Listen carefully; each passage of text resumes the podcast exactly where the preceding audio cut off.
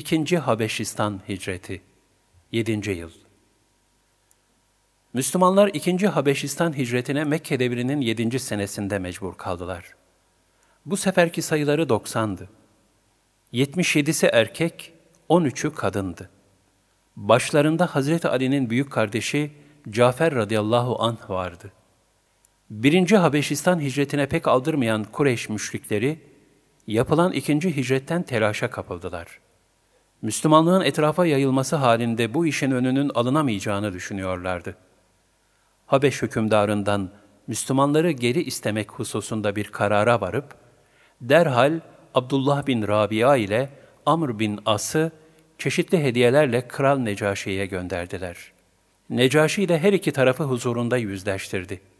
Tarihi bir heyecan yaşandı. Müslümanların sözcüsü Cafer Hazretleriydi. Necaşi, muacirlerin başkanı Cafer-i Tayyar'a döndü. Kureyşliler elçi göndermiş. Sizin Mekke'ye dönmenizi istiyorlar.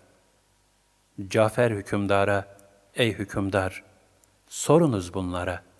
Köle miyiz ki bizleri geri istiyorlar, dedi. Necaşi Amr bin As'a baktı, o da cevapladı. Hayır, hepsi de hürdür. Mükaleme şöyle devam etti. Sorunuz bunlara. Biz borçlu muyuz ki istiyorlar? Hayır, hiçbirinin kimseye borcu yok. Sorunuz bunlara. Biz katil miyiz ki kısas için çağırıyorlar? Hayır, böyle bir isteğimiz yok. O halde bizleri ne diye geri istiyorlar? O zaman Amr şöyle dedi. Bunlar dedelerimizin dininden ayrıldılar. İlahlarımıza hakaret ediyorlar. Gençlerimizin itikatlarını bozdular. Halkımızın arasına ayrılık soktular. Bütün Mekke ahalisi ikiye bölündü. Cafer-i Tayyar söze başladı. Ey emir! Biz cahil bir kavimdik. Taştan, ağaçtan yapılmış putlara ilah diye tapardık. Ölü hayvanların etlerini yer, kız çocuklarını diri diri gömerdik. Kumar oynar, faizcilik, tefecilik yapardık. Zinayı ve bir kadının birkaç erkekle münasebetteki iffetsizliğini hoş görürdük. Akrabamıza karşı vazifelerimizi bilmezdik. Komşularımızın haklarını tanımazdık. Güçlüler zayıfları ezer, zenginler fakirlerin sırtından kazanırdı. Aramızda hak nedir bilinmezdi. Allah Teala bizlere acıdı, bizim ıslahımızı diledi de içimizden bir peygamber gönderdi.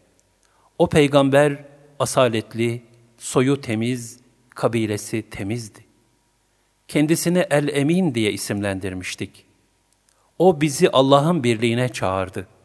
İbadet etmeyi öğretti. Dedelerimizin putlarından ayırdı. Bütün ahlaksızlıklardan uzaklaştırdı. Kan dökmeyi, kumar oynamayı, içkiyi, faizi, yalancılığı, yetimlerin mallarına dokunmayı yasak eyledi. Bize hep iyilikleri talim buyurdu. Doğruluğu, sözünde durmayı, komşu ve akrabaya iyi muamele yapılmasını, kadınların şerefini, kız çocuklarının hayatını kurtarmayı emretti. Bizi vahşetten kurtardı, medeniyete soktu. İyi bir insan olmamızı sağladı.'' Biz de kendisine inandık. Onun yolunda yürüyoruz. Bu sebepten Kureyşlilerin düşmanlığını kazandık. Çeşitli işkencelere uğradık, dayanamadık. Fakat dinimizden de dönmek istemediğimizden, Peygamberimizden izin alarak hükümdarlar arasından seçmiş olduğumuz sizin ülkenize geldik. Yurdunuzda zulme uğramayacağımızı umarak himayenize sığındık.'' Daha sonra Cafer-i Tayyar, Kur'an-ı Kerim'den birkaç ayeti kerime okuyarak sözlerini bitirdi. Onun bu heyecanlı ve ateşli konuşması, oradaki herkese tesir etti ve ağlattı.